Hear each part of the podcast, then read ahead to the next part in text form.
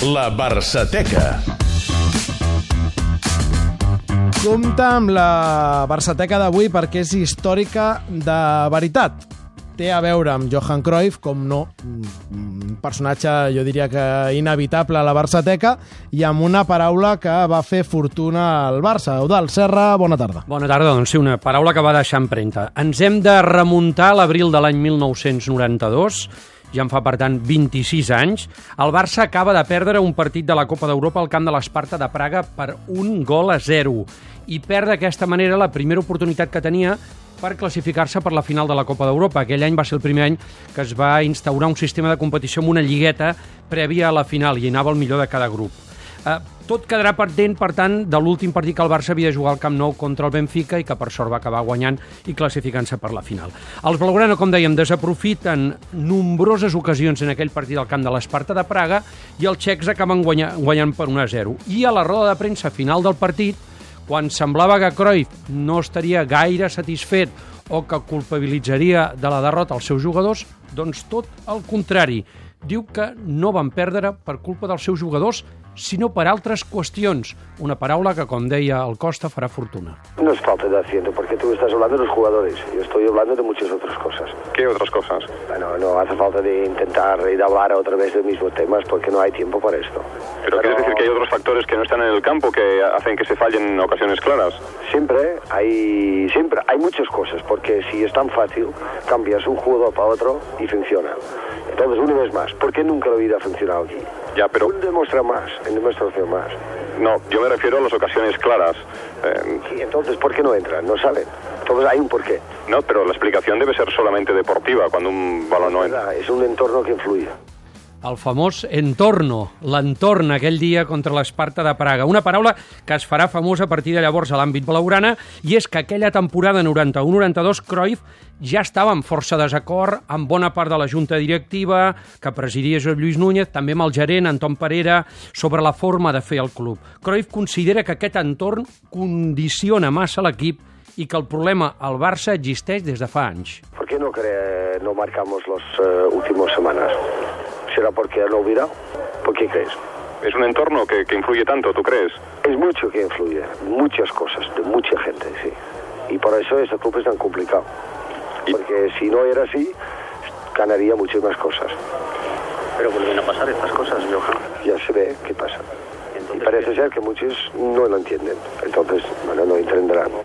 Fins i tot aquells dies havia corregut el rum-rum que si el Barça acabava guanyant aquella temporada de la Copa d'Europa, probablement Cruyff dimitiria i plegaria del seu càrrec. Yo pienso que sí. Entonces, muchas veces en la organización. O sea, no dentro del vestuario. No, ahora que no. ¿Por qué paso ya 30 años por el mismo vestuario? ¿Qué hablas? ¿Qué tiene que ver si el vestuario siempre cambia? ¿Y lo hablas con las personas, No Johan? puede ser. Eso lo has hablado. ¿Lo hablas No, con no, las no, no hace falta ni hablar más de esto, olvídate el tema y este ya desaparecerá o aparecerá en, eh, en las vacaciones.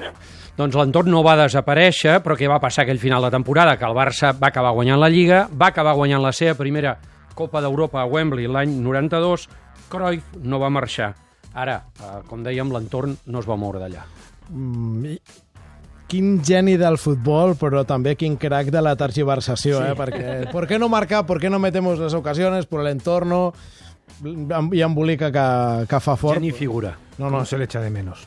ah, això sí, i tant. Ara... ¿Cómo se le echa de menos eh, en los momentos de éxito, en los momentos de crisis?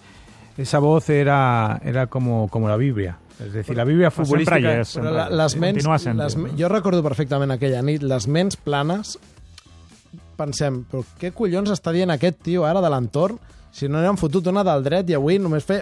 crec que empatant estaven classificats. Sí, sí, sí, van perdre 1 a 0. I eh, Un partido de lamentable. ¿eh? un Sí, partido sí. lamentable aquel, yo recuerdo aquel partido, Pero- que de hecho luego es el partido del Benfica, ¿no? Sí, sí, és el Sí, partit anterior. el- el- el Barça Però, de guanyar el Benfica per Aquella classificar-se. derrota t'obligava a guanyar contra el Benfica, me'n recordo també tots acollonits. Però aquí l'entorn ja s'havia arreglat i va afavorir... Ah, exacte, i ja, ja es van recordar de marcar una altra vegada, però...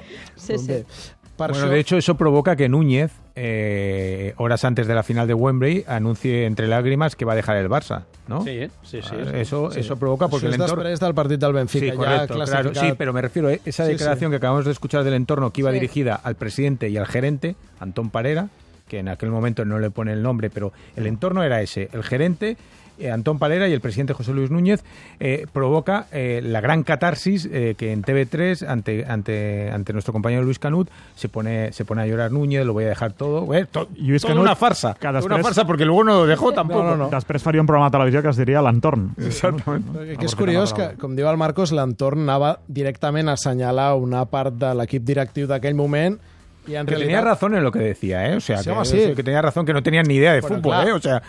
Ni, ni idea de fútbol. Y tenía razón en la esencia de decir, no, si el problema, si esto ha pasado durante 30 años, y ahí tenía razón, es decir, el gran cambio es por la llegada de Cruyff, porque ahí la personalidad de Cruyff, porque lo- durante 30 años había pasado eso y durante los 30 años siguientes hubiera pasado lo mismo. Pero, como él dijo, no, vosotros no tenéis ni idea, no entráis en el vestuario.